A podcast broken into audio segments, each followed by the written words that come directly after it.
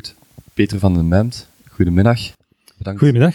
Bedankt om erbij te zijn. Fijn dat uh, u mij hier uitnodigt om uh, met mij in gesprek te gaan. Ik neem aan dat bijna iedereen die hier naar gaat luisteren u al kent en eigenlijk geen introductie meer nodig heeft. Um, misschien een, een vraag. Hoe zou u zelf als jobtitel beschrijven? Wel, ik uh, omschrijf mezelf altijd als een voetbalcommentator en een journalist. Want uh, soms verschijnt er op televisie ook analist, maar dat ben ik eigenlijk veel minder. Ik vind analisten zijn mensen die uit het voetbal komen, ex-trainers of spelers, die het spelletje toch nog veel meer doorgronden en wat tactiek en dat soort dingen betreft toch nog op een ander niveau praten dan, dan ik. Dus ik ben in eerste instantie een voetbalcommentator. Dat is wat ik het liefste doe. En natuurlijk ook journalist, omdat ik vragen stel en af en toe eens dingen onderzoek. Dus voilà.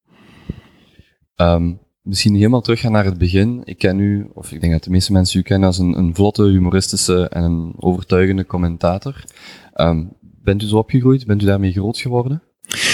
Um, ik moet wel zeggen, ik ben al van uh, kleins af aan commentator. Uh, je zou kunnen zeggen, ik ben al taterend uh, ter wereld gekomen bij wijze van spreken. Want ik geef al commentaar bij alle onnozeleden sinds ik een jaar of zes, zeven, acht ben, denk ik. En, en hoe ging dat dan?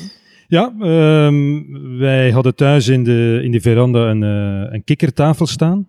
En ik organiseerde dan een grote internationale toernooien met lottrekking en al. En dat begon dan in de 32e finales. En al die wedstrijden werden gespeeld tussen internationale topteams op mijn kikkertafel alleen. En ik gaf daar luidkeels commentaar bij.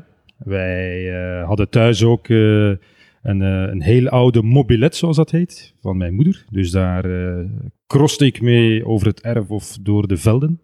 En het was de periode van de grote wereldkampioenen motocross in het, in het motocross bij, bij de Belg, Roger de Koster en die, die generatie. Dus ik gaf ook daar commentaar bij. En als ik ging uh, fietsen met mijn broer, eindigde dat altijd uh, in een sprint natuurlijk. De laatste 200 meter van aan de meubelwinkel bij ons, wat verderop.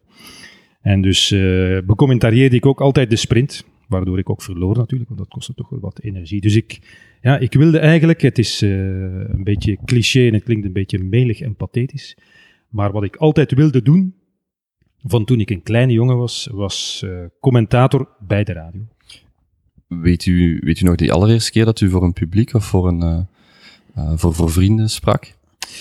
Maar, voor vrienden heb ik nooit commentaar gegeven. Er was wel altijd publiek als er bezoek was. En dat vonden ze zeer hilarisch. Die zaten dan in de living bij mijn ouders. Hè, uh, en die hoorden mij dan wel, uh, wel kakelen.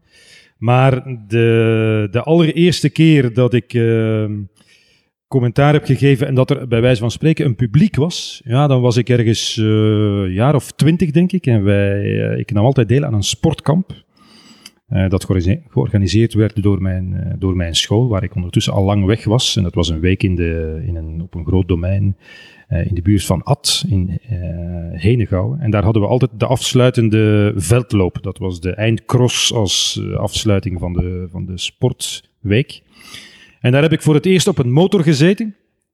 Iemand van de leiding had ook een motor bij. En daar heb ik de cross becommentarieerd, opgenomen op een cassette recorder. En dat hebben ze dan s'avonds op het kampvuur afgespeeld. Dus als ik terugdenk, is dat denk ik de eerste keer dat er andere mensen naar mijn commentaar hebben geluisterd. Maar ik herinner mij wel nog de allereerste keer dat ik op eh, de Vlaamse radio heb gesproken over voetbal.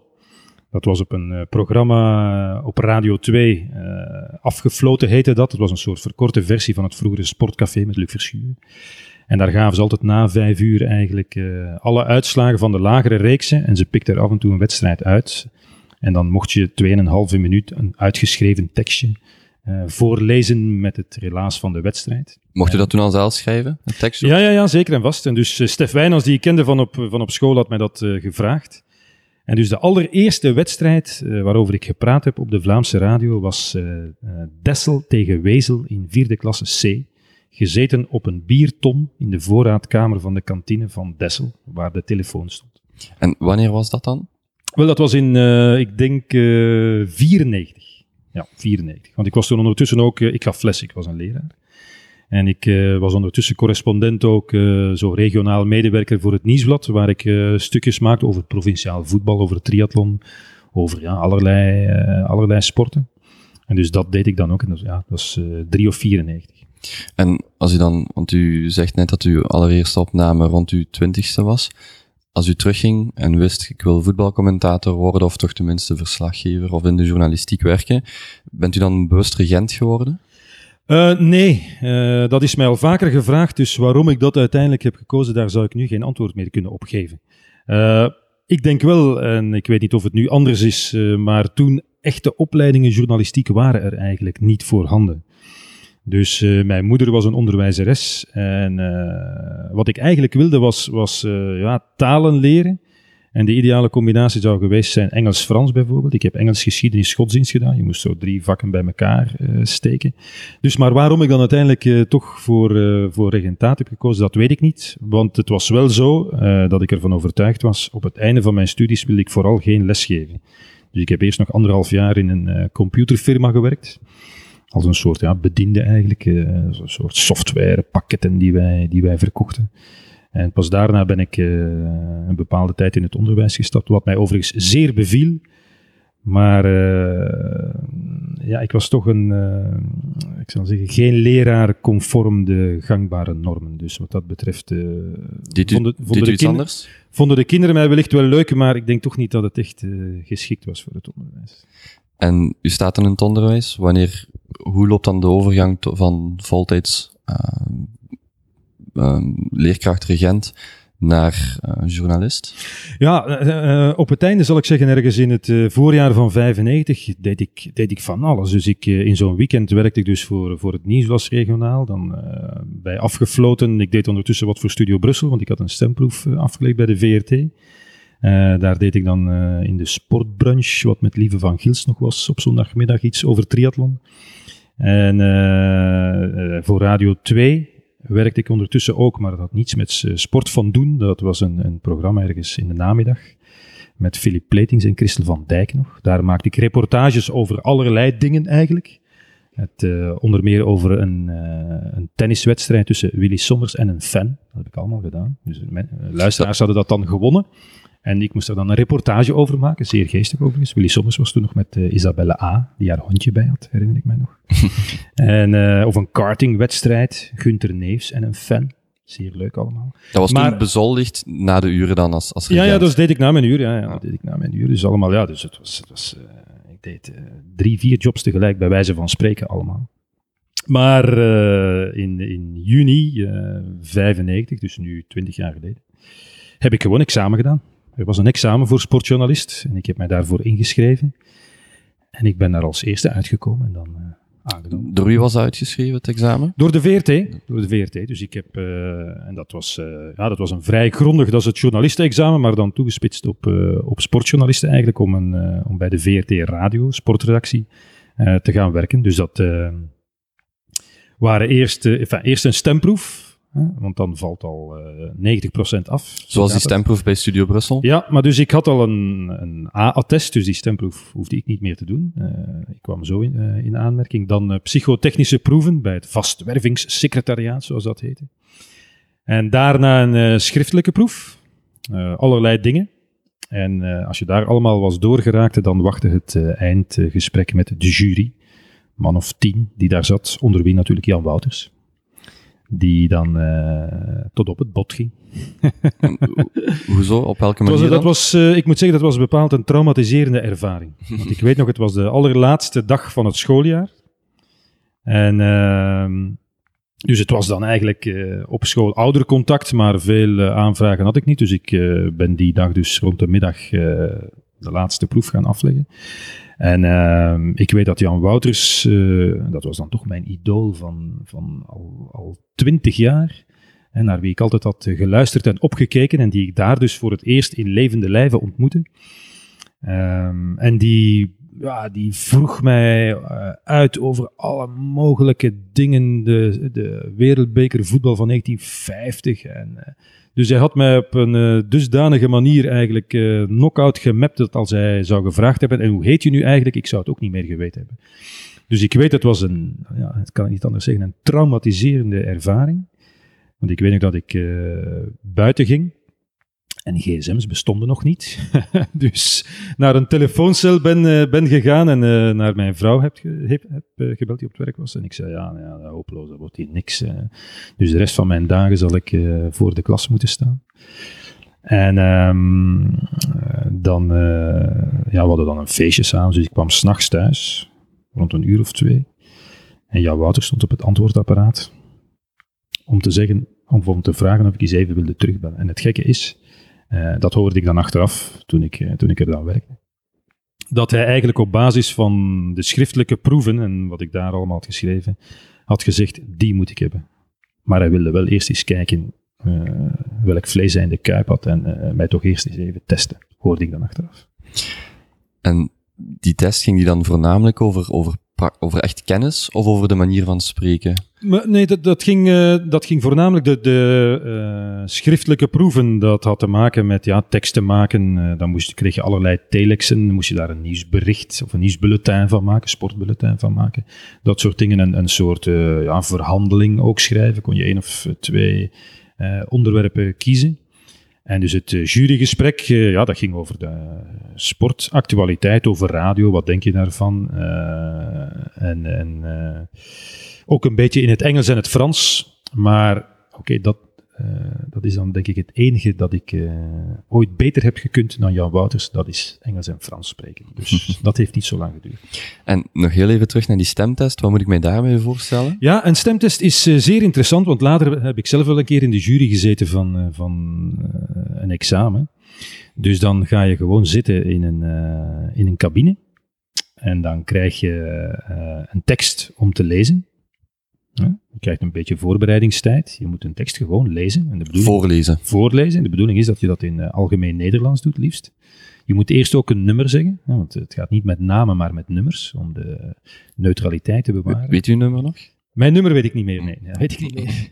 En, en eh, dus eh, dat gaat meestal nog wel, maar je hebt dan ook een onderwerp gekregen, nou, je kan er kiezen uit drie of vier, en daarover moet je dan improviseren. Je mag wel een paar trefwoorden opschrijven, maar geen tekst. En dat is natuurlijk al moeilijker voor, voor mensen die zich moeten forceren om correct Nederlands te praten. Lukt dat meestal nog wel als ze een tekst die ze al eens hebben gezien eh, moeten voorlezen. Maar vaak gaan ze dan Bij de in improvisatie. bij de improvisatie. Maar het gebeurt ook dat er eh, mensen zijn, want ik beoordeel, ik heb nooit die stemtesten zelf mee beoordeeld, dat is, zijn specialisten bij ons die dat doen. Maar het gebeurt dat er eh, iemand zijn nummer zegt en dat hij zegt eh, eh, 75. Dan wordt er naar de rest al niet meer geluisterd. kan, ik, kan ik wel zeggen. Dus, dus ik vind het niet uit. Het is zelfs meer dan één keer gebeurd. Mensen die stemtesten komen afleggen in onverholen Antwerps of West-Vlaams of Brabants of om het even wat. Dus vandaar dat ik zeg, als er, eh, ik zeg maar wat, eh, 200 aan beginnen, is het niet uitzonderlijk dat er maar 20 overblijven. En hoe heeft u dan daarvoor voorbereid voor zo'n stemtest? Ja, eh, want het vreemde is, ik eh, heb in mijn, eh, mijn jeugd weinig AN gepraat. Ik ben opgevoed in het dialect. En hier in de streek is dat vrij plat, kan ik wel zeggen. Dus goed, met, op school en zo natuurlijk wel. Maar ehm, ik heb dan, ik had dan een, st- eerst een stemtest eh, gedaan en ik had een B-attest, zoals dat heet. Dat wil zeggen, je bent niet geslaagd, maar je zit er wel dicht tegen. Dus eh, dan geven ze een paar dingen. De Brabantse A bijvoorbeeld is altijd een van de, van de problemen voor Brabanders dan. Oh, of de I, de scherpe I. Eh, dus ze hadden gezegd, kijk, drie of vier punten. Als je daaraan werkt, dan mag je een nieuwe proef afleggen. Dus ik ben vijf keer bij Weil en Ginny Brasseur geweest, waar heel veel mensen gepasseerd zijn. En eh, ja, op vijf lessen was het eigenlijk, eh, was het eigenlijk in orde. Wa- waren er woorden waar u moeilijkheden mee had? Nee, maar het heeft niks, ni- niet zozeer te maken met woorden. Het gaat over eh, ja, articulatie. eh, het gaat over ja, de, de, de, de juiste, de juiste uitspraak van woorden. Eigenlijk is het alleen maar dat. En natuurlijk ook, maar daar kan je weinig aan veranderen, je stem zelf. Als, als je van nature een, een eh, onaangename stem hebt, ja, dan moet je in de schrijvende pers terecht, vrees ik dan maar. Dan, Dus dan, dus dan heeft het weinig zin, dan kan je nog zeer zuiver praten. Maar als men zegt van ja, die klankkleur zit verkeerd, of dat is onaangenaam, of dat valt niet te corrigeren, want daar houden ze wel rekening mee. Ja, oké, dan, eh, dan gaat het niet. dan ben ik wel benieuwd, wat was de, uw eigen perceptie van uw stem? Maar uh, ik kan je wel zeggen, mijn stem is enorm geëvolueerd. Uh, onlangs was het uh, ja, 15 jaar geleden dat Anderlecht zich had geplaatst voor de tweede ronde van de Champions League. En hebben ze bij ons nog eens het archief boven gehaald. En mijn commentaar bij die, bij die wedstrijden, ja, dat, is, dat lijkt wel een gepiep als je dat vergelijkt met nu. En ik was toch al ja, 3,34. Het was niet dat ik, dat ik een jonge man was van, van 22. Dus de stem evolueert wel, wel uh, ongelooflijk. Dus ik, ik ben mijzelf niet zo bewust van uh, mijn stem, eerlijk gezegd. Uh, ik hoor mijzelf ook niet zo, vaak, niet zo vaak bezig natuurlijk. Maar ik merk wel dat er een groot verschil is tussen een, een stem in de studio, hè, waar je rustig praat eigenlijk en waar, waar ze lager lijkt dan wanneer je commentaar geeft. Dus, Door de omgeving. Ja, en omdat je dan geëxciteerd bent of wat meer roept of wat hoger gaat mee in het spel. Dus, maar je heeft nooit ik, ik, weet, ik weet wel dat ik mijn stem zeer slecht verzorg. Dus ik kuch nogal en ik sch schraap nogal, wat natuurlijk zeer nefast is voor, voor de stem. Ik doe er ook niets voor. Ik doe geen stemoefeningen. Ik, ik drink geen drankjes met honing, dat soort toestanden. Dus ik zou het eigenlijk misschien allemaal moeten doen. Maar oké, voorlopig heb ik, er, heb ik er weinig last van. Alleen heb ik, heb ik wel gemerkt, bijvoorbeeld op het WK in Brazilië, waar het dan zeer intensief is daar was ik, naarmate het toernooi vorderde, verloor ik wel mijn stem eigenlijk. Wat natuurlijk een klein probleem is als je commentator bent voor de radio. Dus ik heb het nog net volgehouden tot de finale. En uh, ja, ze wilden nadien nog een, een, interview bij, bij Studio Brussel. En daar ja, is er eigenlijk nauwelijks nog wat uitgeraakt. Dus, ja. Maar u heeft dan nooit problemen gehad of stilgestaan bij, bij uw eigen stem? Toen u dan zo jong was, dacht u niet van oei, nee, ik zit misschien nee, fout? Nee, nee, maar goed, al die criteria die gehanteerd worden, daar ben je op dat moment niet van bewust. Je weet niet, ja, waarover gaat het hier? Dus het enige wat ik dacht is, ik moet zo zuiver mogelijk uh, praten natuurlijk en zo weinig mogelijk fouten maken en geen, geen uh, provinciale klanken formuleren om, uh, om er door te geraken. En of dat dan, ja, of ik dan een mooie stem had, of een volle, of een warme, of een, of een, een piepende, ja, nou, daar was ik eigenlijk niet zo mee bezig. U had net Jan Wouters aan. Waren er nog andere rolmodellen of mensen waarnaar u zelf spiegelde of van wilde leren? Voor mij is dat de enige. Uh, dus ik zeg altijd, alles wat ik uh, ben en kan en geleerd heb, uh, heb ik van Jan Wouters geleerd. Wat maakt hem zo uniek? Ja, hij, hij, heeft ook gewerkt in een tijd dat de radio het medium was voor de sportverslaggeving. Nu zijn wij natuurlijk maar een, een secundair, misschien zelfs tertiair medium. Eh, omdat ja, uiteraard alles is op televisie. Alles is op televisie. En dat was toen niet het geval natuurlijk, 30 jaar geleden zal ik maar zeggen.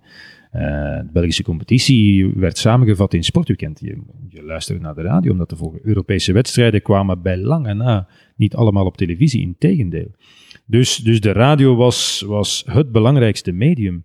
En, en uh, alles wat nodig is om een goede uh, radioverslaggever te zijn, dat, dat had Jan. Hij had de stem, hij had uiteraard de kennis van de sport. Hij had een, een onuitputtelijke woordenschat. Hij kon spelen met de taal en met zijn stem. En, en dat maakte dat hij ja, landschappen kon schilderen, bij wijze van spreken, uh, met in, in de radioreportage. En dat maakt het altijd ongelooflijk beklijvend. Ik vind nu nog altijd sport op de radio veel spannender dan op televisie. Dus, en ik moet toegeven, als ik kan kijken, ja, dan kijk ik natuurlijk ook. Uh, omdat ik er meestal ook nog analyses moet van maken of moet over praten. Dus ik wil het liefst zelf gezien hebben. Maar ook nu vandaag, ondanks alle andere mogelijke manieren om, om voetbal te volgen of zelfs wielrennen, uh, uh, is het meest spannende, het meest beklijvende en het leukste om, om te volgen, is op de radio. Als het de finale is van de Ronde van Vlaanderen en het is spannend, en, en Christophe van de Goor en Karel Bertelen zijn op de radio, wel, dat is voor mij duizend keer meer beleving dan wanneer ik op televisie kijk en, en naar Michel Wuits en José de Kouwer luister. Wat ze overigens uitstekend doen, daar gaat het niet over. Maar ik wil maar zeggen, de spanning die zij kunnen opbouwen en het schakelen met elkaar. Ja, vind ik, ik vind de radio uh, nog altijd het mooiste, het mooiste medium wat dat betreft. Ik vind dat zelf voor de, voor de interviews die, die ik dan ook doe, super spannend, omdat een, uh, een mens of een luisteraar heeft eigenlijk alleen maar de stem naar wie dat ze luisteren. Ja. En uh, in tegenstelling tot, tot, tot video of tv, ja, is het aan ons of uh, aan mij en aan de spreker om, om die mensen in voering te brengen en, en daar ook uh, net gelijk een goed boek, een goede schrijver zorgt ervoor dat je in je, in je hoofd mee een beeld krijgt, wat eigenlijk die, die suspense ja, ja. enorm verhoogt. Want ik, ik werk nu sinds een jaar of vier ook voor Proximus TV en ik, ik versla of ik doe de wedstrijd uit de Champions League voor televisie samen met Gert Verheijen. En dat is ongelooflijk leuk, dat is fantastisch. De allerbeste matchen van de allerbeste ploegen. Maar als het echt spannend is, ja, is, voel ik ook, en, en dat is mij op het lijf geschreven, is het toch spannender en beter en beleef ik het meer bij de radio, omdat je daar het, eh, de spanning kan opbouwen door te blijven praten, en je stem te versnellen en wat, uh, wat hoger te gaan en iets te creëren wat nog moet gebeuren. Terwijl op televisie is het toch de bedoeling om ja, een klein beetje afstand te nemen, niet de hele tijd te praten in elk geval. Waardoor je eigenlijk ja, toch de spanning is er wel, maar je neemt toch een zekere afstand. Dus uh, ja, ik denk dat ik toch gewoon geboren ben voor de radio. -hmm.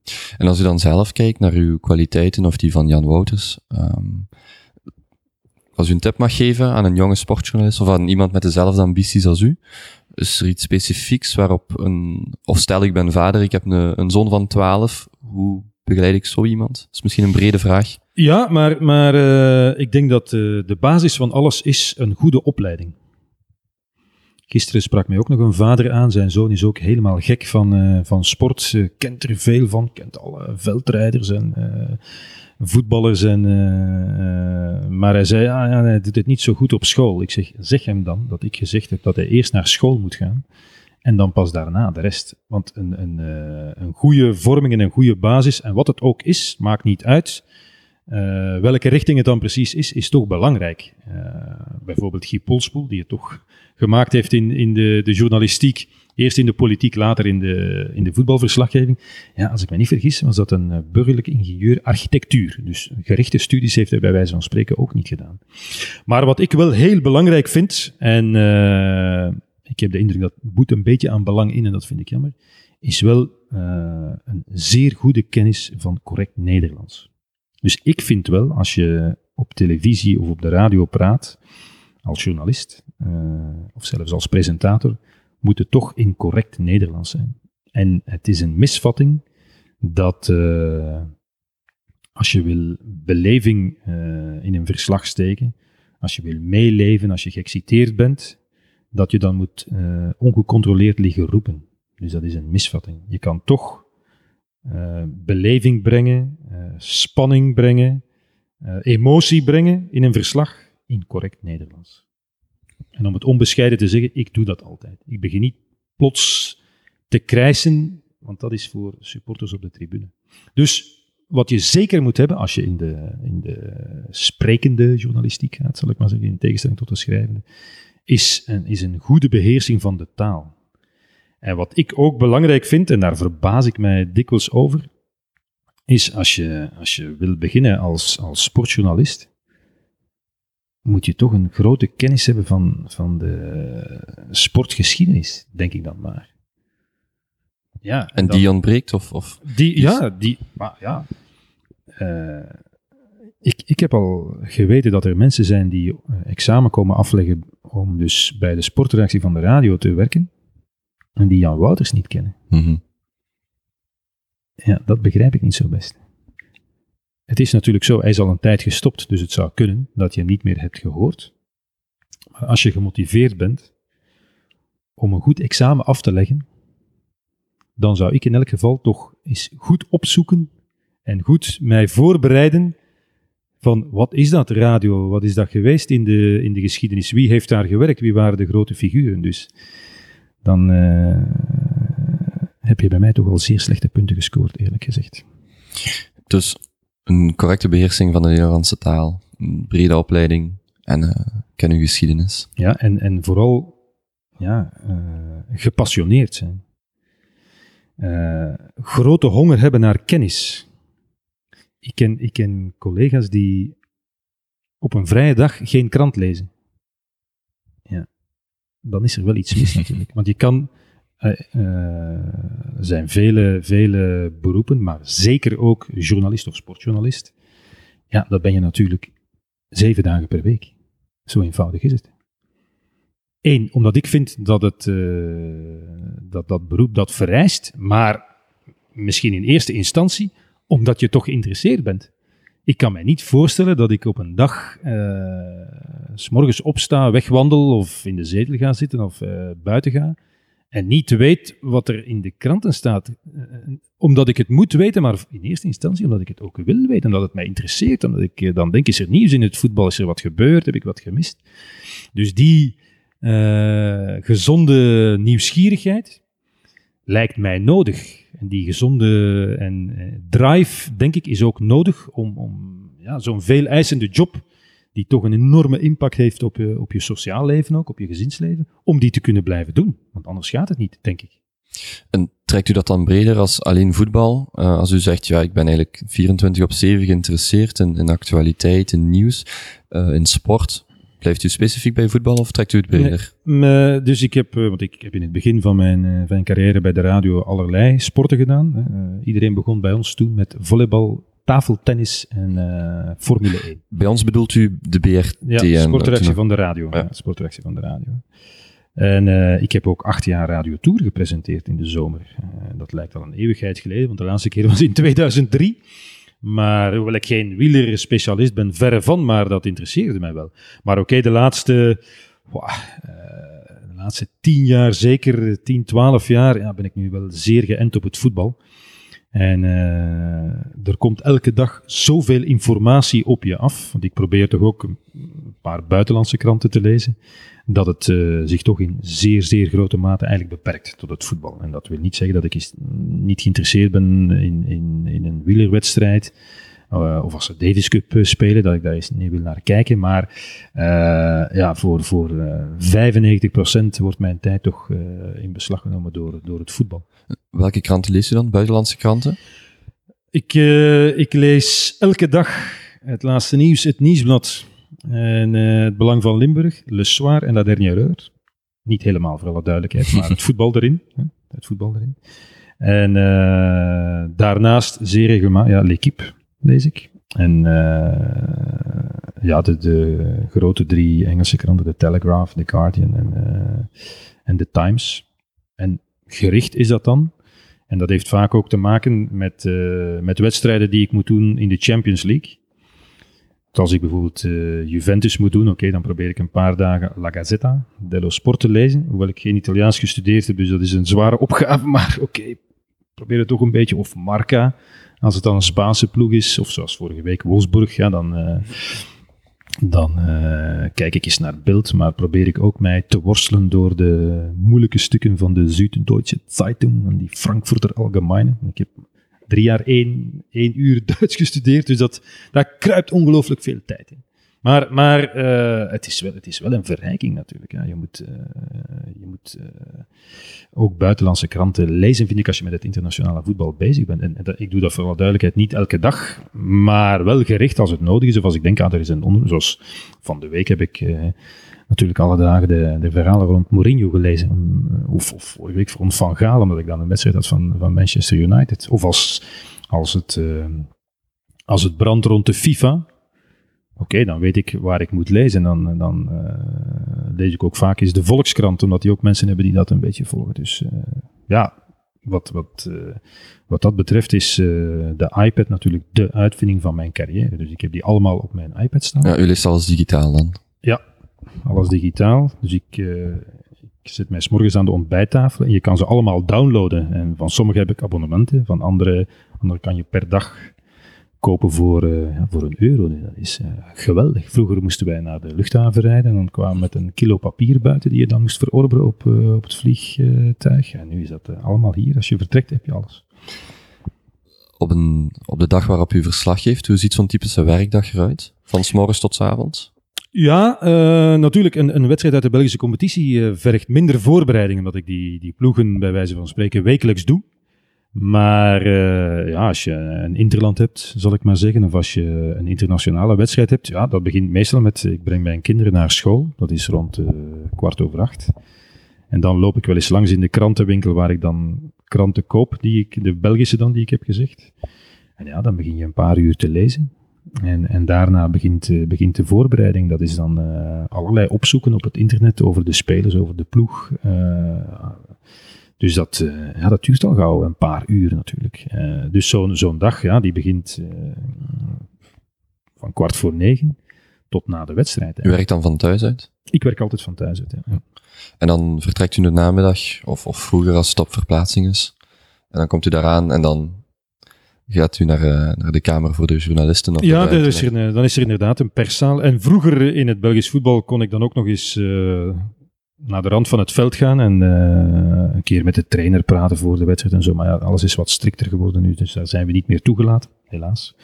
Dus blijven we in de perszaal zitten en ja, ga ik ook wat later naar, naar wedstrijden. En dan, ja, dan begint de voorbij, je krijgt de ploegopstelling. En dan kijk je eens wat er veranderd is en dan, voilà.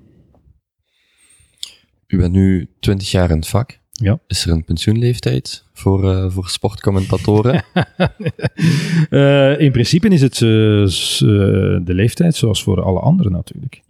Maar in de media in het algemeen ben je natuurlijk ook afhankelijk van de bazen boven. Eh, zolang die vinden dat je goed bent, kan je voort. En als die op een bepaalde dag vinden dat het tijd is voor iets anders, helaas is het dan voorbij. Dus daar ben ik mij zeer goed van bewust. En ik zit natuurlijk bij de radio, dat is een eh, in C voor eh, de bazen. Ze zullen beledigd zijn, maar onbelangrijk medium. dus wat dat betreft kan je daar misschien wat langer meegaan dan, eh, dan op televisie. Maar eh, zoals ik nu toch al, laten we, zeggen, tien jaar werk, dat kan ik natuurlijk geen tien jaar meer volhouden. Want dat is, dat is gewoon te intensief. Eh, Dat is te veeleisend. Dat is, eh, dus daar, eh, daar moet, moet op een of andere manier toch wat afgebouwd worden. Omdat ik, ja, wat ik zei voor Proximus, doe ik in mijn vrije tijd. Dus in plaats van op dinsdag en woensdag vrij te zijn, ja, reis ik Europa af en ga ik wedstrijden doen. Dus dat, ja, dat is beperkt in de tijd natuurlijk. Dat is fysiek en mogelijk ook mentaal niet vol te houden. Want ja, ik ben nu eh 48, bijna 49, dus dat is wel eens de periode als je van een verre verplaatsing in Brugge terugkomt s'nachts. Dat je toch eens nadenkt over, ja, hoe gaat het nu nog gaan de volgende, ja, intussen bijna 20 jaar of 15 jaar. En, eh, en ga ik dat nog 15 jaar blijven doen? Dus daar kan ik nu geen antwoord op geven. Ik weet het niet. Nu vandaag denk ik ja, want eh, ik, heb, eh, ik heb nog niets ingeboet aan drive en, en passie en enthousiasme.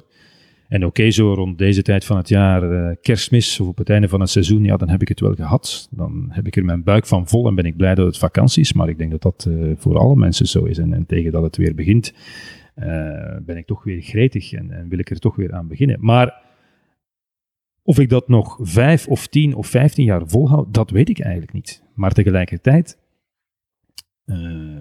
zie ik ook geen alternatief. ik zou ze mij vragen, wat zou je dan nog anders kunnen doen? Ja, ik zou het niet weten. En, en ik heb in de loop der jaren natuurlijk wel, wel voorstellen gehad om allerlei dingen te doen. Hè. Eh, woordvoerder of eh, de zotste toestanden of chef sport ergens. Of, eh, ja. Nee, dat wil ik allemaal niet doen op dit moment. En als u dan in de toekomst teruggaat, want u, u bent nu, als ik mij niet vergis, werkt u voor Proximus, u werkt voor de radio, u zit regelmatig in extra time. En schrijft u ook nog? eh, Ik schrijf ook nog eh, columns voor eh, het Nieuwsblad en de Standaard en voor de voetbalmagazine. Ja. Dus als u daar in de komende jaren eh, een bepaald ritme vindt, waarin u wel eh, het, het kan volhouden, zullen we dan nog een pakweg 75 jaar Peter van den Bemt Nee. op de radio horen? Dus ik zou graag hebben, maar ook dat kan ik helaas niet garanderen, dat als eh, mijn tijd gekomen is, hè, op een bepaald moment, als, het, als ik, ik weet niet wat, eh 60 of 65 ben en ik ben eh, pensioengerechtigd, hoop ik dat ik het helemaal kan loslaten. En dat ik niet de drang voel, wat ik bij veel mensen zie, om toch nog ja, te willen blijven en erin te blijven en toch nog, eh, toch nog mee te willen tellen. Dus ik, ik hoop dat ik op dat moment kan zeggen, kijk, het is nu goed geweest, ik stop ermee. Maar helaas kan ik dat nu niet zeggen of dat dat zo is. En misschien val ik in een ongelooflijk eh, zwart gat en is het snel met mij afgelopen. Dat zou natuurlijk kunnen. Want, dus daarom is het belangrijk, denk ik, dat je gaandeweg toch een klein beetje, een klein beetje afbouwt. Mhm. Als ik nu van vandaag op morgen helemaal eh, uit het vak zou stappen, ja, dat zou natuurlijk wel een enorme krater slaan, denk ik dan maar. Maar ik, uh, ik denk dat het, uh, dat het mentaal gezond is om, om, zoals andere mensen ook stoppen op het einde van hun carrière, om, om er helemaal mee op te houden. En, en ik denk dat het een soort ik moet nu zien wat ik zie, bevrijding zal zijn, maar toch, toch een pak stress minder zal zijn dat je niet meer de, de druk en de drang voelt om elke dag alles te, te moeten weten. Maar dat ik ook wel eens kan zeggen van uh, vandaag heb ik geen zin of ik, uh, of ik lees maar één krant meer. Ja, in plaats dus, van uh, al die andere. Ik kan mij voorstellen dat u uw job met heel veel passie doet, maar dat er ook heel veel voor opgeofferd moet worden, heel veel vrije tijd aan moet geloven, gezinsleven, professioneel, en nu keuzes Kijk, moet maken. Het, het, het, de job die wij doen, hè, en, en de job zoals ik ze doe, is, is sociaal en, en familiaal natuurlijk heel zwaar. Want ik zeg altijd, uh, ik heb van mijn, ik heb aan de specifieke job hè, die ik heb, ik heb er de lusten en de lasten van. Maar mijn vrouw eigenlijk alleen de lasten. En oké, af en toe ook wel eens uh, lusten als we een keer ergens naar een première kunnen gaan, waar we maar geraken om, omdat ik dan een uitnodiging heb gekregen, maar dat is toch minimaal. Dus, dus uh, ja, de realiteit is uh, dat, uh, dat ik mijn carrière najaag en dat mijn vrouw daar in zeer grote mate, en mijn kinderen ook, maar oké, die zijn straks weg, dat is minder, moet voor opdraaien. En mijn, mijn vrouw heeft ook een zeer, zeer drukke baan, met zeer veel verantwoordelijkheid en heel veel stress. Dus evident is dat niet. En toen wij getrouwd zijn, was ik nog gewoon een leraar, was ik dus bij wijze van spreken, nog drie maanden per jaar thuis. En, uh, en, stond het eten klaar toen zij thuis kwam van haar job. Dus, dus uh, evident is dat niet. En misschien zal ik mij dat over tien jaar beklagen dat het zo is, is gelopen. Dat weet ik natuurlijk niet. Maar ik denk, ja, op een bepaald moment zit je toch op een, op een snelweg, zit je toch in een soort drive dat het, dat het moeilijk is om terug te schakelen. Want daar denk ik wel een keer over na. Zou ik dat niet op een andere manier kunnen doen en minder. En, maar dat is moeilijk. En, en, uh, en los van het werk, oké, dan uh, daarnaast heb ik niet nog eens hobby's die ook nog eens uh, tijd vergen die de kosten gaat van mijn gezin. Oké, ik ga wel een beetje fietsen, maar dat doe ik overdag als er niemand thuis is. Dus ik, het is niet dat ik nadien ook nog met vrienden op café ga. Dus dat doe ik in elk geval niet. Wat, als ik niet werk, dan ben ik thuis. Maar ik werk veel, dus dat is het probleem. Ja. Dus ehm, er is wel misschien geen vaste leeftijd, maar wel een bepaald tijdperk waar je naartoe werkt en dan zegt, oké, okay, ik denk dat het nu al stilletjes genoeg, uh, genoeg ja, is. Uh, ik denk dat... Eerder, eerder zo dan. Ja, ja dus ik, ik denk dat, en, en uh, dus ik hoop dat we dan tegen die tijd nog allemaal fit en gezond zijn om wat tijd in te halen, want enfin, zo zijn er veel mensen, dat is nu mijn geval, maar zo zijn er natuurlijk heel veel mensen die ja, door, de, door de specificiteit van hun werk en de vereisten, uh, ja, dat uh, toch een, een, een, zware druk leggen op hun, op hun familiaal leven. Hè, want als het WK is in Brazilië of in Zuid-Afrika, uh, ik zeg dat wel eens tegen collega's, dan zeggen we, oké, okay, ja, allez, ik ben nu vijf weken weg. in de examenperiode is het dan ook nog. En ja, de vrouw blijft achter met de kinderen. Dus evident is dat allemaal niet natuurlijk. Nee, maar tegelijkertijd denk ik er natuurlijk ook niet over na om te zeggen van oké, ik zal thuis blijven, laat maar iemand anders gaan. Ja, inderdaad. Voor iedereen lijkt dat natuurlijk wel Brazilië of Zuid-Afrika. Maar u bent inderdaad vijf weken van huis weg. Maar u zou het toch niet laten schieten dan, denk ik. Nee, en, en uh, dat is zeker lang. Dat is zeker lang van huis. En, en uh, het is, en, en naarmate het einde nadert, uh, ja, is het echt wel hoog tijd om naar huis te gaan. Alleen, uh, zeker de eerste vier weken van zo'n groot toernooi uh, zijn zo intensief dat je eigenlijk geen tijd hebt om, om erbij stil te staan of om je familie en je kinderen te missen eigenlijk. Want dat is van s'morgens, mensen hebben daar geen idee van. Van s'morgens tot s'avonds ben je aan het werk. Er is geen, geen ruimte voor ontspanning, omdat je, je verslaat zelf een wedstrijd. Je moet de andere wedstrijden volgen, want de volgende match is misschien van die ploeg je reist. In Zuid-Afrika heb ik 17 vluchten genomen op eh, vijf weken met de auto gereden, uh, treinritten. dus het is zo intensief dat je eigenlijk alleen maar werkt en slaapt. En af en toe, als het meevalt, ook nog eens gaat eten. Dus wat dat betreft zit je in een soort roes, een soort, een soort kokon eigenlijk, waar alleen maar dat telt. En, en dat is ook het grote voordeel ervan dat het zich afspeelt ver van huis. Want uh, de beslommeringen van het dagelijkse leven, namelijk de rekening van de elektriciteit en een lamp die stuk is, of ja, daar heb je dan geen last van. Het is ook alleen maar het uh, EK of het WK. Maar een journalist van België wordt er wel rijkelijk voor verloond voor zo'n zo'n periode in het buitenland. Wat zeg je? Die worden er wel rijkelijk voor verloond, journalisten. Uh, of valt dat ook niet zo goed mee? Wat dat betreft uh, ben ik in het verkeerde land geboren. dus uh, nee, ik, ik, weet in, in Italië staan, staan voetbaljournalisten qua aanzien in de maatschappij eigenlijk op het niveau van, van dokters, advocaten, dat soort dingen. En worden ze navenant ook verloond. En uh, ook in Nederland liggen, liggen de lonen veel hoger dan bij ons. Dus ik denk, uh, ik ben tevreden met wat ik verdien, maar uh, om nu te zeggen dat, dat ik daar geweldig rijk van zal worden, nee, dat is niet het geval. -hmm. Als u terugkijkt op de carrière die u tot nu toe heeft gehad, zijn er, is er een bepaalde periode geweest of een tijdspanne waarin u echt heel veel heeft geleerd, waarin u zegt, oké, daar in, in dat jaar of in dat half jaar of vijf jaar ben ik enorm geëvolueerd als... Um... Ja, maar in de, in de eerste jaren dat ik er gekomen ben, want ik kwam op de redactie en ik kon eigenlijk niets.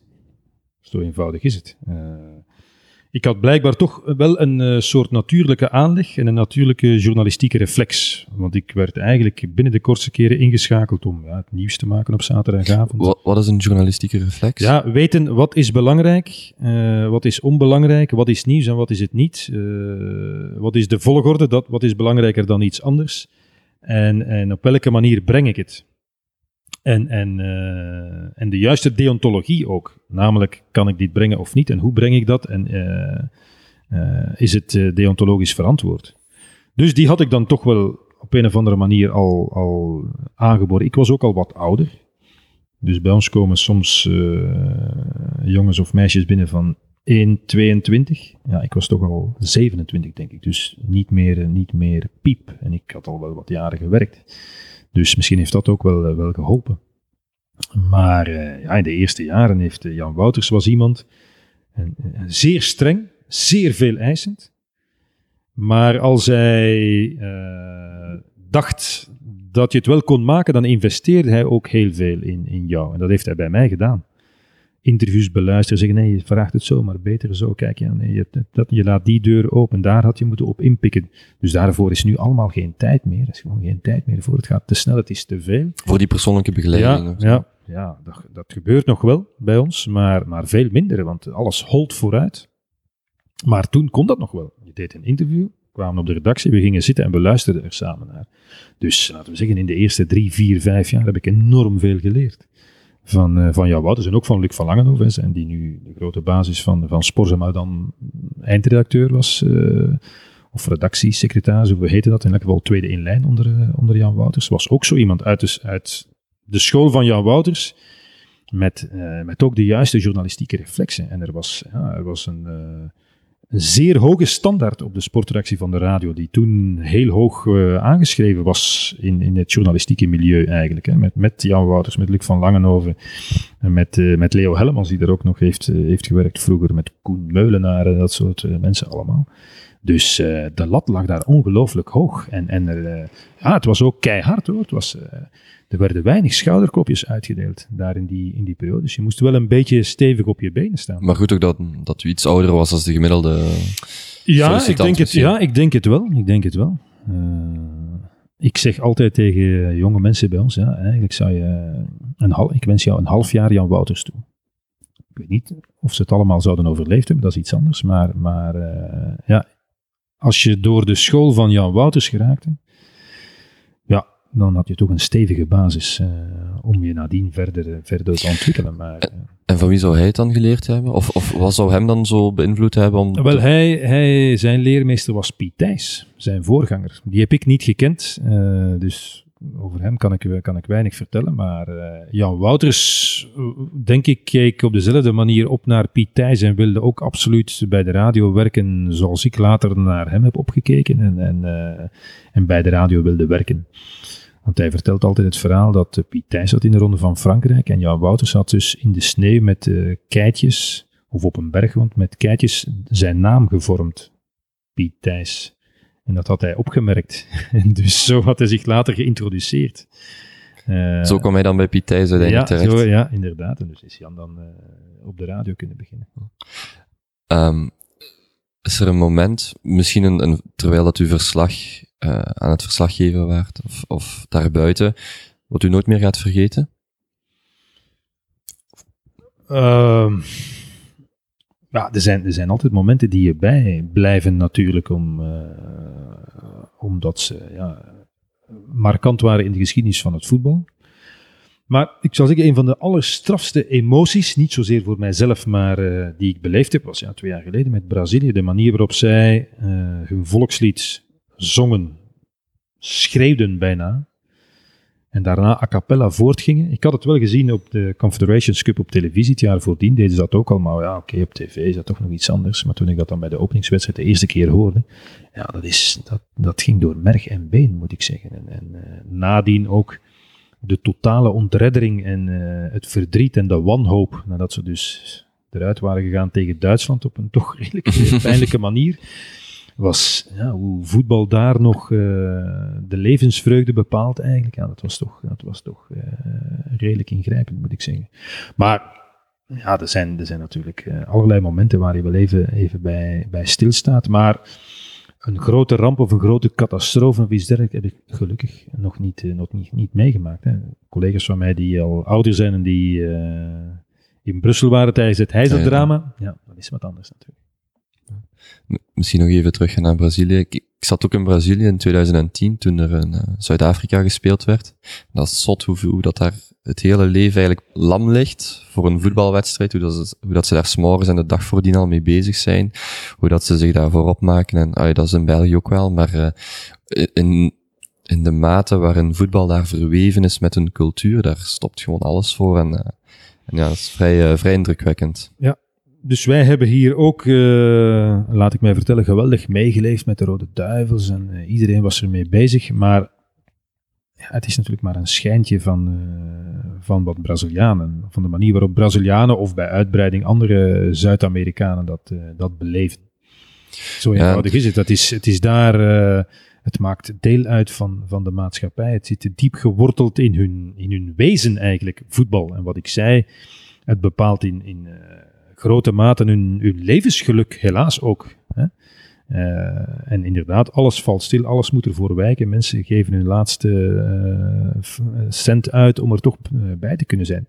Dat soort emoties kunnen wij ons niet voorstellen. Want oké, hier gaan we met z'n allen kijken naar een groot scherm. En ik zie dan wel een paar meisjes huilen als ze eruit liggen. Maar een uur later zijn die dan natuurlijk al vergeten en is, gaan ze weer over tot de orde van de dag. Dat is in Brazilië niet het geval natuurlijk.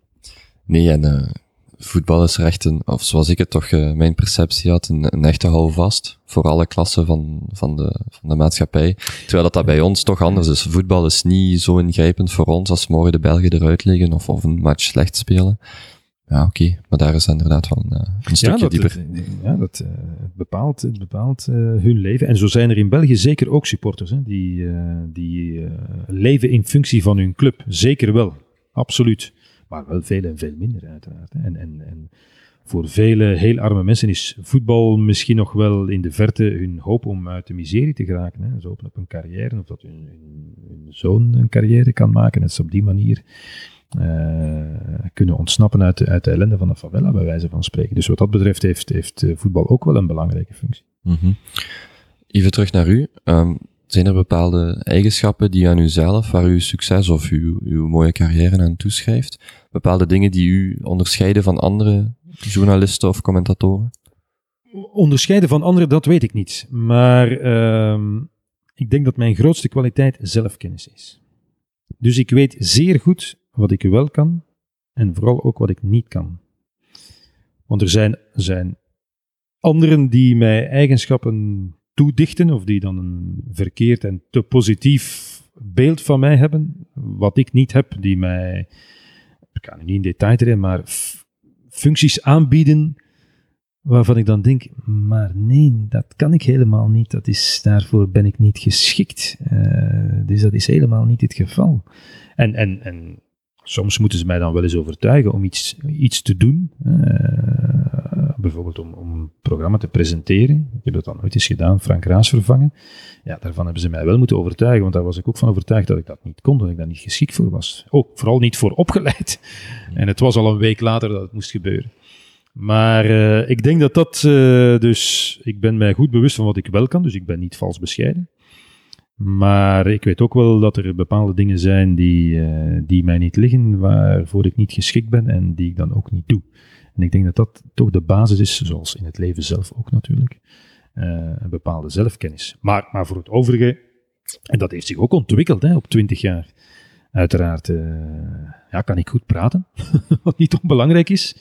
En uh, kan ik goed mijn stem gebruiken, wat op de radio belangrijk is, namelijk moduleren, zoals Jan Wouters altijd zei, niet monotoon praten, maar wel je stem gebruiken om, om uh, mensen naar de radio te zuigen door uh, te versnellen, te vertragen, een pauze te laten, wat hoger, wat lager. en wat, wat beeldrijke taal te gebruiken. En daarnaast heb ik, heb ik ook wel een goed analytisch vermogen, dus ik kan wel naar iets kijken en, en ja, inschatten wat de waarde ervan is en, en wat er gebeurt. En, en uiteraard door, door alle ervaring die ik heb, ook een, uh, heb ik ook een gezonde argwaan ontwikkeld. Denk ik. Geniet u van cynische opmerkingen of cynische verhalen? Ik kan, uh, enig cynisme is mij zeker zelf niet vreemd. en ik denk dat, uh, uiteraard niet overdreven, maar ik denk dat een gezonde portie, eh, portie cynisme wel nodig is in ons, in ons vak om overeind te blijven en om te blijven functioneren in het, uh, in het Belgisch voetbal. En, en uh, ja, het is natuurlijk een, een, een, redelijk vuile wereld waarin je moet functioneren. Het voetbal, niet alleen Belgisch, maar het voetbal in het algemeen, is niet proper. En het zit vol intriges, hypocrisie, belangenvermengingen, geschuif uh, en daar moet je rekening mee houden. Je wordt elke dag van de week belogen, bij wijze van spreken. En soms weet je dat je belogen wordt, en soms, of meestal, misschien niet. En, en uh, ik zeg altijd, als ik, en ik, ik ben redelijk geïnformeerd, uh, binnen bepaalde clubs of binnen het voetbal, maar als ik uh, 10 of 20 procent weet van wat er zich afspeelt, zal het veel zijn. Dus dat moet, dat moet je goed voor, dat moet je altijd goed voor ogen houden. Dat je eigenlijk toch maar als buitenstaander, want dat zijn we uiteindelijk, uh, toch maar een deel weet van wat er gebeurt. En, en in vele gevallen nog het deel waarvan de anderen willen dat je het weet. Ja, je haalt dat er net aan. Um, neutraliteit als journalist denk ik is altijd een, een, een moeilijke balansoefening omdat je aan de ene kant natuurlijk wel de feiten en het nieuws en de uh, interne informatie wilt hebben en daar te vriend wilt blijven, maar aan de andere kant natuurlijk ook neutraal moet blijven. Hoe, hoe moeilijk is zoiets als journalist? Dat is een moeilijke evenwichtsoefening, hè, want je kan natuurlijk niet uh, eh, 100% afstand houden om, om, om te oordelen of om te beoordelen. en toch dingen weten. Dus je kan alleen maar aan informatie geraken als mensen je in vertrouwen nemen natuurlijk. Uh, maar eh, tot op heden moet ik zeggen, lukt mij dat wel. En, en ik denk dat het, uh, want ja, ik beschik natuurlijk over veel meer informatie dan ik kan vertellen op de radio. Ja, zo werkt het nu eenmaal. Maar, maar ik zal nooit informatie geven die iemand mij gegeven heeft in vertrouwen of met de boodschap dat het, dat het niet mag gezegd worden. Maar die wel belangrijk is om bepaalde dingen te kunnen inschatten. Als ik op zondag zie dat een, eh, een sterspeler op de bank zit, hoewel hij niet geblesseerd is, is het toch interessant dat ik uh, weet dat hij bijvoorbeeld tijdens de week, bij wijze van spreken, uh, op training de kantjes er heeft afgelopen, of dat hij op stap is geweest, of ik weet niet wat. dus dan is dat wel belangrijk, zonder dat je dat daarom kan vertellen. Maar dat helpt je wel om, om het juist in te schatten. Dat is wel belangrijk. Maar ik denk dat, het, uh, dat wat dat betreft het, interessant is dat je ja, een zekere reputatie opbouwt, of, of geloofwaardigheid of betrouwbaarheid. En, en uh, dat probeer ik altijd. correct zijn en, en, en, en betrouwbaar zijn gaat bij mij altijd ver boven een scoop hebben. -hmm. Nu, bent soms, of dat is tenminste mijn perceptie, vrij hard in uw cynische opmerkingen, of toch vrij direct, waardoor het misschien hard overkomt. Heeft u ergens een, uh, misschien niet spijt van, maar achteraf gedacht u dat ik toch misschien anders moeten zeggen, of toch niet op die manier moeten verwoorden? Uh, nee, ik kan me zo niet direct een, een voorbeeld... Uh, nee, ik vind, ik vind als het correct is, mag je wel, mag je wel hard zijn. Denk ik. En, en meestal wordt dat ook wel aanvaard. Ik denk dat, dat mensen vooral uh, boos zijn als de informatie verkeerd is. Dat is het probleem. En, en uh, als, als bepaalde mensen boos zijn omdat informatie naar buiten komt, maar de informatie is correct, ja, dan duurt het toch meestal niet lang. Dan is het vervelend dat het, uh, dat het naar buiten komt, maar als ze weten dat het correct is, ja, dan hebben ze in, in au fond eigenlijk daar niet al te veel problemen mee. Dus wat dat betreft heb ik, heb ik in, in die twintig jaar eigenlijk weinig of geen last gehad. Alleen maar op Bijrwassage ben ik destijds in aanvaring gekomen. Ja, en nooit een kwade telefoon dan gekregen? Of, uh, jawel, jawel, jawel. Misschien jawel. wel, uh, of jawel, een heel boze... Ja, dat is wat anders. Ik heb, ja. ik heb al vaker uh, mensen aan de lijn gehad die, ja, die boos waren of ongelukkig of ontevreden. en ik zeg altijd, bel maar, maar, maar ja, dat wordt dan toch altijd uitgepraat op een of andere manier. Dus ik heb niet liever dan dat mensen, in plaats van dat ze mee blijven rondlopen, mij bellen. Maar ik ben wel nog nooit iemand tegengekomen die zei dat mijn informatie verkeerd was. Dat is wat anders. Ja, en dan, dan kan je erover discussiëren. Ja, uh, was het dan nu nodig? Waarom nu? Of, maar goed, dat zijn dan persoonlijke inschattingen. Dat is dan vaak omdat uh, de informatie hen niet uitkomt. Of omdat ze vinden dat je, dat je hen te hard hebt aangepakt. Dat is natuurlijk, dat is natuurlijk uh, wat anders. Mm -hmm.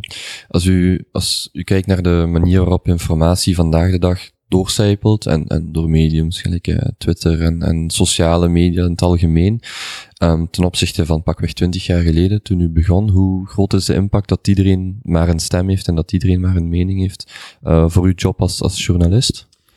Maar ik vind dat een, een, een zeer negatieve ontwikkeling. Ik zou uh, bij wijze van spreken willen dat Twitter nooit uh, had bestaan.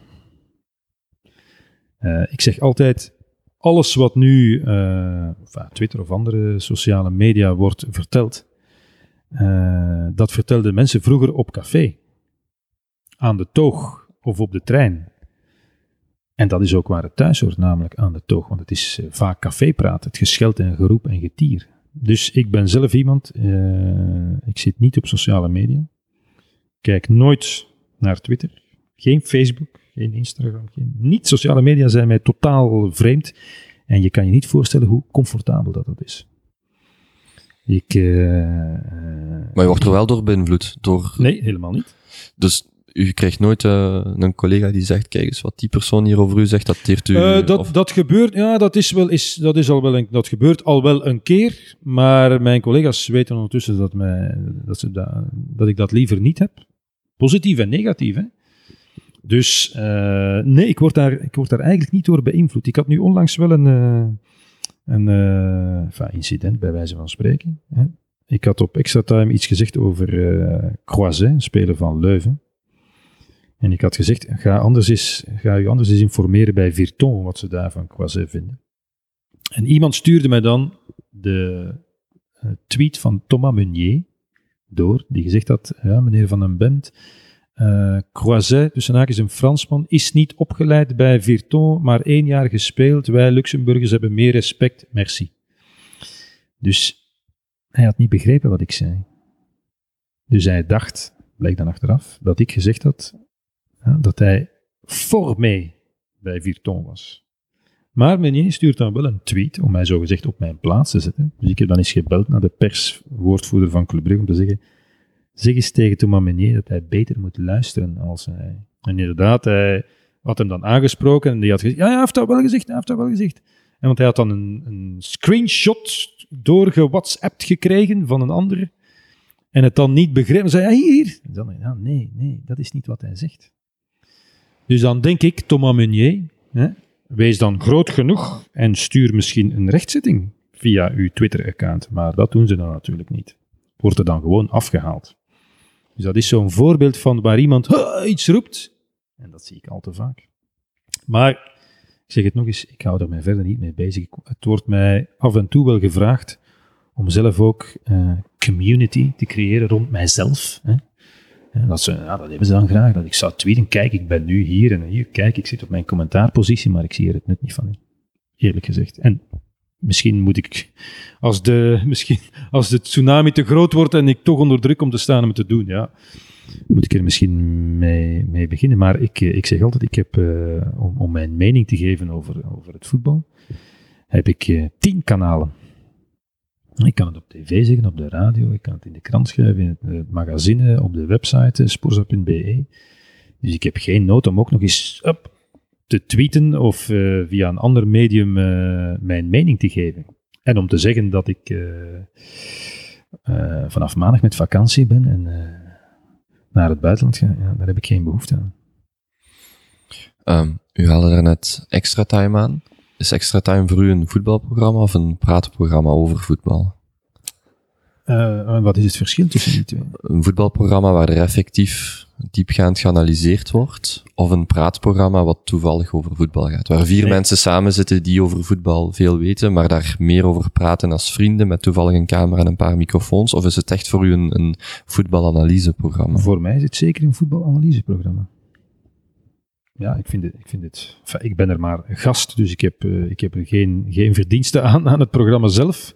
Maar ik vind het wel, ik vind het wel een, uh, een echt voetbalprogramma waar ja, in detail over het, uh, over het voetbal wordt gepraat. Zeker als je mensen als Mark de Grijze of Gert Vrij, die er niet meer is, hebt zitten die uitleggen hoe dingen gebeuren en hoe fases in elkaar zitten. Dus het is een, een breed praatprogramma over voetbal, maar waar toch, ja, niet altijd even diep, maar toch af en toe is diep wordt ingegaan.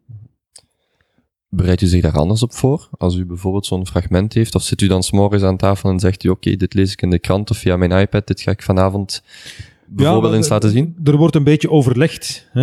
Je weet, dat is de gast. Of uh, ze vragen, ja, welke wedstrijden bekijk jij? En, en, dan vragen ze gewoon, ja, zijn er dingen uit die wedstrijd die jij wil tonen? En dan zeg ik, ja, dat en dat en dat uh, wil ik graag laten zien. En dan selecteren ze die fases en dan kunnen we daarover spreken. Of ik wil, ik wil het over dat onderwerp hebben of dat thema wil ik aan bod laten komen. Dus en dan uh, kan de discussie op gang gebracht worden. Voor zover ik weet, bent u, bent u ook gelovig? Bent u eerder aan de praktische kant, waarbij uw geloof u een bepaalde houvast geeft of bepaalde waarden normen? Of beleeft u het geloof uh, van, van op het moment dat u wakker wordt tot u gaat slapen? Uh, nee, wat dat betreft ben ik toch uh, geworden, moet ik zeggen, veel eer passief geloof. Dus ik, ik, zou, ik, ik zou zeggen, het, is, het biedt mij een een soort handleiding om zo goed mogelijk in het leven te staan. Wat met uh, vele gebreken uiteraard. Maar het is niet zo dat ik van s morgens tot s avonds uh, bezig ben met het geloof. Nee, eigenlijk helemaal niet. En, en uh, naar de kerk gaan doe ik ook al lang niet meer. Dat heeft dan veel praktische oorzaken of, of redenen. Maar ja, ik probeer en ik probeer aan mijn kinderen door te geven om, om ja, kort samengevat, een zo goed mogelijk mens te zijn. En Sommige mensen doen dat vanuit, uh, vanuit het geloof en anderen vanuit een soort humanisme. Dus dat verschilt op zich niet zoveel. Maar ik maak wel een onderscheid tussen, tussen ja, gelovig zijn en de kerk. Want met de kerk zelf heb ik weinig. Is er een bepaalde manier dan waarop u tot rust komt binnen zo'n hectische professionele omgeving? Biedt het geloof dan, of, of uw geloofsbeleving? Wel, de keren dat ik nog eens uh, in een kerk zit, daar kom ik wel tot rust eigenlijk. En liefst nog alleen ook, maar ja, dat gebeurt weinig, want de kerken zijn tegenwoordig ook op slot. omdat je niet meer kan, uh, met alles kan gaan, gaan lopen. Maar nee, om, om echt tot rust te komen heb ik, heb ik ook niet echt, mijn, uh, niet echt mijn geloof nodig, eerlijk gezegd. Dus het, is, ja, het is een klein beetje uitgedoofd, mag ik niet zeggen, maar toch een, een stuk minder dan, dan, laten we zeggen, 20, 25 jaar geleden. Maar ja, op, uh, op momenten dat het, uh, dat het moeilijk is, uh, ja, is het, is het, biedt het op een of andere manier toch een soort troost eigenlijk. En het is natuurlijk volledig irreëel of irrationeel, moet ik zeggen. Maar ja, kijk. Wat bedoelt, u, wat bedoelt u daarmee? Dat het irrationeel ja, ik heb wel eens het grapje gemaakt. Hè, als mensen zeggen van ja, er is aan het hiernamaals waar alle mensen verder leven. Ja, uh, na 2000 jaar, waar zit al dat volk dan eigenlijk boven? Dus als je het uh, plastisch of pragmatisch bekijkt, is het wel een beetje moeilijk natuurlijk. Maar ik weet oké, eh, en, ook mijn vrouw en mijn kinderen beleiden niet bepaald het, het geloof, maar als ze iemand uit hun, uit kennissenkring zien wegvallen, dan is het toch op een of andere manier een troost. Ook al denken ze daar dan niet te veel over na, maar is het toch belangrijk dat ze niet zozeer zeggen, ja, het is nu afgelopen de grond in en, en gedaan. Of het dan, of het dan rationeel is of niet. Mhm. Zijn er bepaalde waarden en normen die u als vader meegeeft of probeert mee te geven? Uh, eerlijkheid, respect probeer ik bij mijn kinderen bij te brengen en, en uh, geen egoïsme. Proberen goed te zijn voor elkaar. Je mag ambitieus zijn, je mag plannen hebben, je mag goed voor jezelf zorgen, dat is belangrijk, maar niet ten koste van anderen. Dus als mensen tegen mij zeggen dat, uh, dat mijn kinderen, hoe moet ik zeggen, goede mensen zijn, vind ik dat veel belangrijker dan dat ze zouden zeggen dat het intelligente kinderen zijn. Ik zou graag de twee hebben, maar, maar ik vind in die volgorde toch belangrijk of dat ze beleefd zijn of hulpvaardig. Ik kan ervan genieten als, als ja, mijn zoon zijn, zijn snoepje heeft gedeeld op de speelplaats. Of zijn, zegt, ja, uh, mijn vriendje had, het was koekjesdag, zoals en hij had er geen bij en ik heb hem de helft gegeven. Dus dat soort onnozele kleinigheid vind ik wel heel belangrijk. Daar kan ik wel van genieten. Gaat altijd even vlot? Uh, wellicht niet, maar dat, zeg, dat, valt, dat valt nog wel redelijk mee. Dat valt nog wel, wel redelijk mee. Of als ze attent zijn voor mijn hoogbejaarde ouders, daar kan ik wel van genieten, eerlijk gezegd. Want dat is toch niet evident voor kinderen van die leeftijd. Mijn ouders zijn diep in de tachtig. Dus als ze daar attent zijn, of, of uh, mijn moeder zegt, ah ja, Simon heeft mij goed geholpen, hij heeft van alles gedaan, of ik hoor hem vragen, meter, kan ik nog iets doen? Ja, dat vind ik wel belangrijk. Ja. U zegt net zelf, zorg ook voor uzelf. Bent u zelf sportief? Um, ik uh, heb helaas al uh, ondertussen dik twintig jaar een zwaar rugprobleem. Nu, het uh, hindert mij niet te veel in het dagelijks leven, maar dus voetballen of lopen of zo kan ik helemaal niet meer. Dus ik fiets nog een beetje. En, en wat, het laatste jaar is het wat minder door, door tijdsgebrek en door, ja, door gewoon gebrek aan energie. als je voortdurend maar holt van, van, laten we zeggen, begin augustus tot nu, eind december ja, dan voel ik eh, naarmate de maanden vorderen mijn energiepeil dalen en is het moeilijk om nog, nog op de fiets te klauteren. Maar ik ben dus een zeer, eh, zeer lage amateurfiets en ik probeer zo, ja, ergens tussen de 75 en de 85 kilometer wat te fietsen of wat, eh, wat te mountainbiken. Maar dat is dan, ja, om het hoofd eens vrij te maken en om, om in de buitenlucht te zijn, om gezond te zijn en om op gewicht te blijven. Maar zonder, zonder, zonder ambities, vooral duidelijk. Ik heb maar ik vind, ik, maar, ik vind het wel belangrijk dat je als sportjournalist toch ook in zekere, in zekere zin fit bent. Ik denk als je uitgezakt en onverzorgd en papperig een sporter moet interviewen, ik vind dat geen goed idee.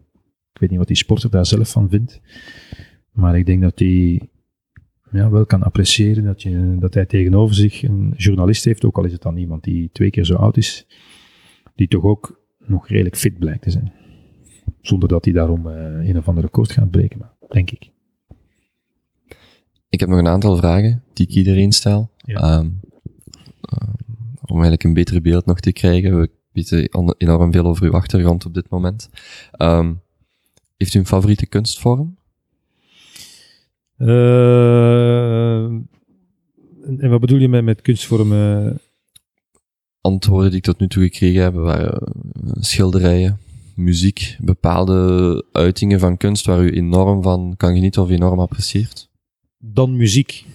Maar ik heb een zeer brede smaak, maar ik, uh, ik kan zeer genieten, en ik ben er geen kenner van voor alle duidelijkheid, van Ierse folk. Dus ik, ik heb een boontje voor Ierland. En nog eens, ik ben er geen kenner van. Maar uh, ik hou wel van de geschiedenis, de traditie. Uh, de pubs en de muziek die daar gemaakt wordt. Uh, in combinatie met vrouwenstemmen. Dus daar kan ik wel ongelooflijk van genieten. Dus ik ben. Ik was in de wolken met Ierland als tegenstander van, van de Belgen. Omdat ik de eerste nationale ploeg wel wat volg via Jack Charlton en dat soort toestanden sinds, sinds 88. Dus uh, ik ben al wel een keer naar Dublin gevlogen met mijn vrouw om naar Christy Moore te gaan luisteren in uh, Vicker Street.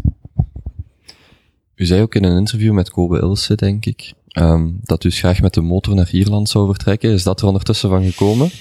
Ik heb wel al een motor, maar uh, nee, dat is er nog niet van gekomen. Dat zou ik zeker heel graag doen. Dus uh, ik heb mij zo'n uh, Harley Davidson gekocht, maar wel een kleintje. Dus hij is zeker niet geschikt om met mijn vrouw eigenlijk een lange tocht te maken door Ierland. Daarvoor is hij te klein. Het is toch een beetje meer een, een, stadsbike. Maar, maar dat zou ik zeker eens, uh, zeker eens graag doen als het, als het mooi weer is. Gewoon cruisen eigenlijk door, uh, door de, ja, de prachtige natuur in Ierland. Maar nee, het is er nog niet van gekomen. Um, als u terug kan gaan naar uw 25-jarige zelf, welke raad zou u zelf meegeven?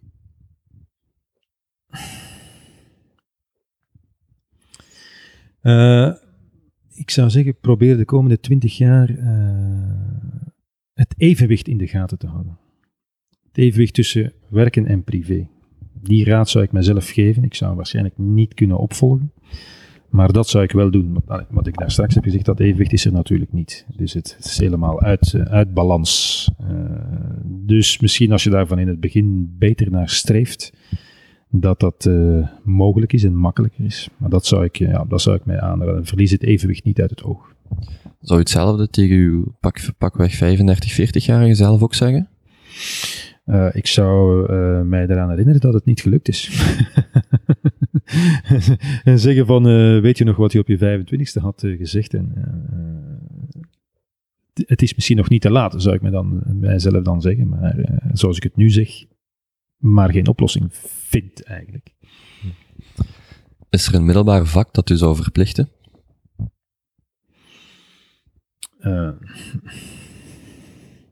ja, talen. Maar die zijn er al. Uh, ik Belangrijker maken. Ja, ja, vind ik wel. Ja, vind ik wel. Ik vind dat het, uh, de talenkennis, de kennis van het, ik zal het zo ik vind dat de kennis van het Frans bij onze jeugd flink achteruit gaat. En in het land dat België is, vind ik dat een slechte zaak. Ik vind dat, uh, ja, in het, uh, want vroeger was, was de stelling altijd Franstaligen spreken geen Nederlands en de Vlaming spreekt Frans, maar die is helaas achterhaald. En, en uh, wat, als, je dan, als je dan toch zegt welk vak zou je dan invoeren? Franse cultuur, maar dan niet uit Frankrijk, maar Franstalige, Waalse cultuur, ik zal het zo zeggen. Want dat is wat ik, uh, ik heb veel contact met Franstalige collega's. En, en dat is wat ik in al die jaren wel heb gemerkt. Dat is dat wij elkaar niet kennen.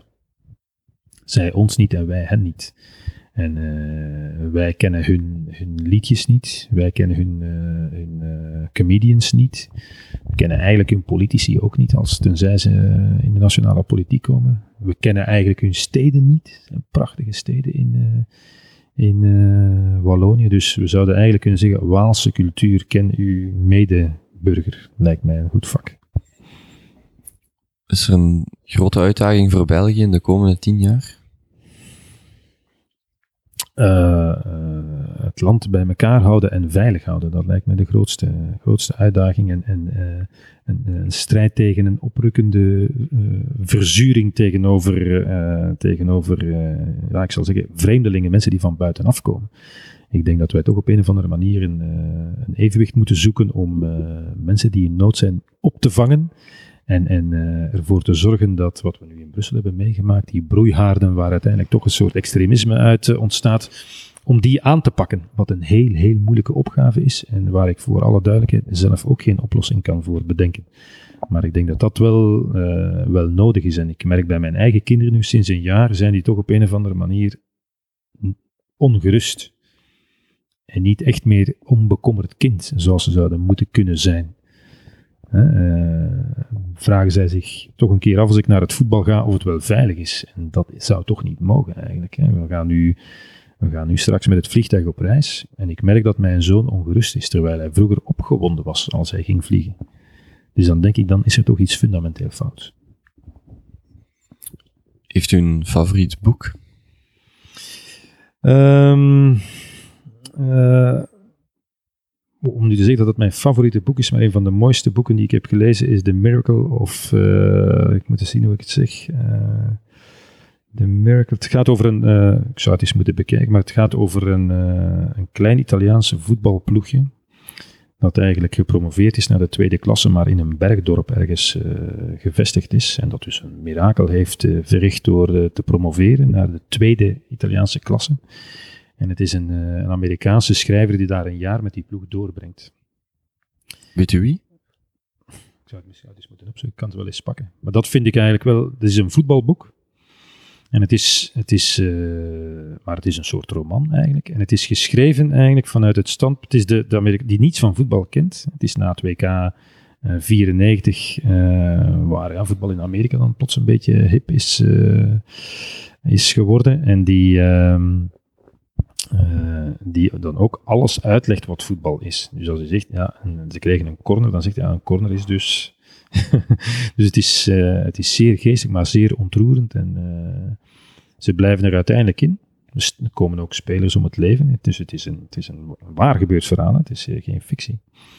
En het eindigt met een geweldige ontnuchtering, want ze waren al gered één wedstrijd voor het einde. En dus op de laatste wedstrijd verkopen ze eigenlijk. Oké. niet echt verkopen, maar zeggen: oké, we gaan die andere ploeg laten winnen. En dat is natuurlijk een gigantische. Uh, want ik weet, uh, ik had wat een, een, dwaasheid is, toch eens toen ik eraan begon, de laatste pagina, de laatste zin gelezen. En het was iets in de zin van: how we would have wished, uh, how we wished it would have ended differently. Dus ik heb het hele boek doorgedacht dat ze zouden zakken. maar dat was het dus niet. Het was namelijk het conflict waar hij in discussie gaat met die, met die Italianen die dan niet begrijpen waarom, ja, zo werkt het toch in het voetbal. Wij zijn gered en de andere ploeg had nog wat nodig, dus we hebben niet moeilijk. Weet je van welk jaar of van welke periode dat het boek is? Kanaal, ah, oké, okay, ja. The Miracle of Castel di Sangro.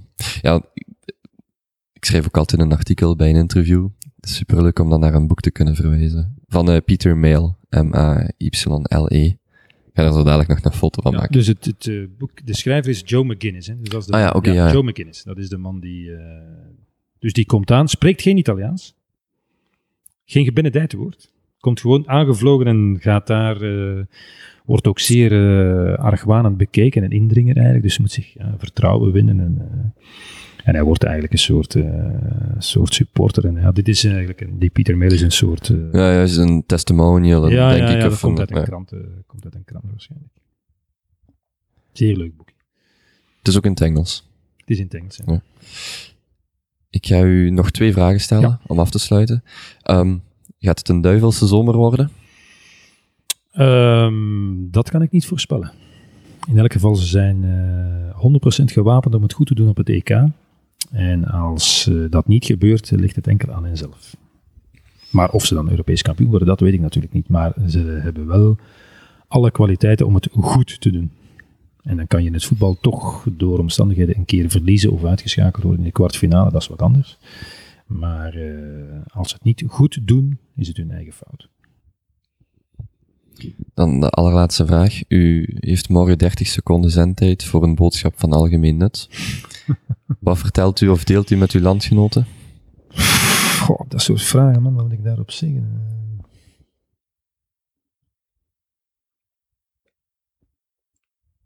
Geen idee. Daar zou, ik, daar zou ik in elk geval eerst lang over nadenken als ik 30 seconden krijg. Ik weet het niet. Ma mag ik u een uh, vervangvraag stellen? ja. Als u opnieuw kon kiezen, zou u dan terug voor uw carrière in België gaan, zoals u hem tot vandaag heeft beleefd? Of zou u dan, als u kijkt naar buitenlandse collega's, toch hopen dat u misschien ergens anders was geboren? Uh, nee. Uh, ik ben uh, over de hele wereld al geweest. Op de fijnste plekken die je kan voorstellen. En, in voetbalstadions met de geweldige voetbalbeleving. Maar als ik het totaalpakket bekijk, ben ik altijd blij en heb ik heel vaak al gedacht op alle mogelijke plekken dat we nergens beter kunnen zitten dan hier in België. En dat is wat betreft levenskwaliteit, uh, wat betreft veiligheid, al is het nu een beetje moeilijker de laatste tijd, maar ook wat betreft, uh, wat betreft het voetbal. Dus uh, als ik straks moet kiezen, dan kies ik toch gewoon hetzelfde op dezelfde plaats, zonder aarzelen.